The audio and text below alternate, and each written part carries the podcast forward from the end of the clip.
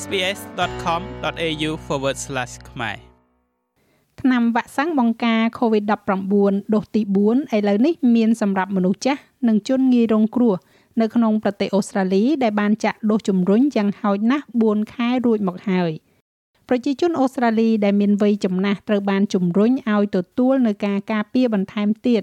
នៅមុនពេលរដូវរងាចូលមកដល់ជាមួយនឹងការកើនឡើងនៃករណីឆ្លងដែលទំនងជានឹងកើតឡើង។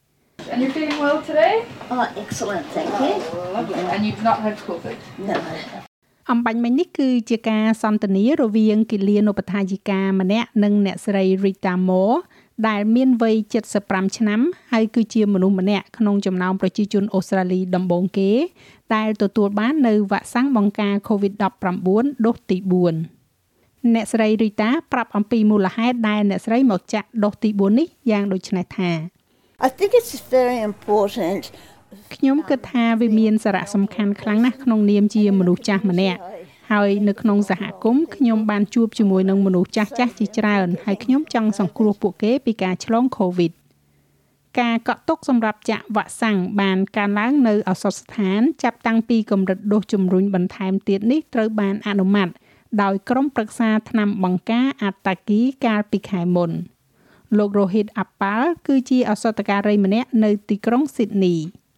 since the government rollout of the fourth ចាប់តាំងពីការចេញផ្សាយរបស់រដ្ឋាភិបាលនៃការចាក់វ៉ាក់សាំងដូសជំរុញលើកទី4មក មានការចាប់អារម្មណ៍និងការហៅទូរស័ព្ទចូលមកជាច្រើន និងមានការកក់ទុកច្រើនដូច្នេះមានការចាប់អារម្មណ៍យ៉ាងពិតប្រាកដណាស់ចាប់តាំងពីថ្ងៃច័ន្ទទី4ខែមេសាមក អ្នកដែលមានអាយុលើសពី65ឆ្នាំ មានសិទ្ធិចាក់វ៉ាក់សាំងបង្ការ COVID-19 ដូសទី4ដូចគ្នាដែរចំពោះជនជាតិដើមភាគតិចដែលមានអាយុលើសពី50ឆ្នាំឡើងអ្នកដែលមានប្រព័ន្ធភាពស៊ាំខ្សោយនិងអ្នករស់នៅក្នុងមណ្ឌលមើលថែទាំមនុស្សចាស់និងពិការភាពកម្រិតដូសបន្ថែមនេះត្រូវបានណែនាំរយៈពេល4ខែបន្ទាប់ពីការចាក់ដូសទី3ឬក៏ឆ្លងមេរោគ COVID-19 រួច។ វិជ្ជបណ្ឌិត Charlotte Hespe គឺជាប្រធាននៃមហាវិទ្យាល័យ Royal Australian College of GP នៅ New South Wales និង ACT As we get older we don't mount as នៅពេលដែលយើងកាន់តែចាស់យើងមិនសូវជាផ្ទុកប្រតិកម្មល្អចំពោះវ៉ាក់សាំងឬការឆ្លងនោះទេ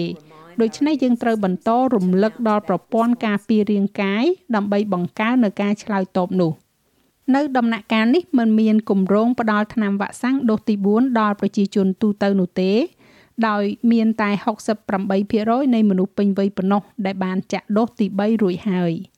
ប៉ុន្តែវិជ្ជបណ្ឌិតនិយាយថាឆ្ពោះទៅថ្ងៃមុខការចាក់ដូសជំរុញប្រចាំឆ្នាំទំនងជានឹងកើតមាន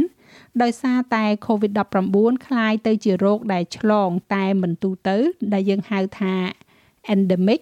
ដែលស្រដៀងទៅនឹងជំងឺផ្ដាសាយដែរ។ ពេលវេលានៃការចាក់ដូសជំរុញថ្មីនេះធ្វើឡើងស្របពេលដែលវ៉ាក់សាំងជំងឺគ្រុនប្រសាយធំប្រចាំឆ្នាំកំពុងតែកើតឡើងដូចគ្នាដែរហើយវិជ្ជបណ្ឌិត Hespi និយាយថាអ្នកដែលមានសិទ្ធិទទួលបាននៅថ្នាំវ៉ាក់សាំងផ្ដាសាយនិងដូសជំរុញគួរតែទៅចាក់ទាំងពីរ flu is back um we've been ជំងឺគ្រុនប្រសាយធំបានត្រឡប់មកវិញហើយពួកយើងត្រូវបានការពារចេញឆ្ងាយពីវាក្នុងរយៈពេល2ឆ្នាំចុងក្រោយនេះ ព្រោះវាមិនបានចូលមកជាមួយនឹងអ្នកទេសចររដូវក្តៅជាធម្មតានៅក្នុងខែធ្នូមករាកុម្ភៈនោះទេខណៈពេលដែលពេលនេះវាបានធ្វើដំណើរចូលមកហើយហើយយើងដឹងថាវាស្ថិតនៅក្នុងសហគមន៍របស់យើងហើយចាស់ហើយរបាយការណ៍នេះចងក្រងឡើងដោយ Lucy Murray សម្រាប់ SBS News និងប្រែសម្រួលសម្រាប់ការផ្សាយរបស់ SBS ខ្មែរដោយនាងខ្ញុំហៃសុផារ៉ានីចូលចិត្តអ្វីដែលអ្នកស្ដាប់នេះទេ Subscribe SBS ខ្មែរនៅលើ Podcast Player ដែលលោកអ្នកចូលចិត្ត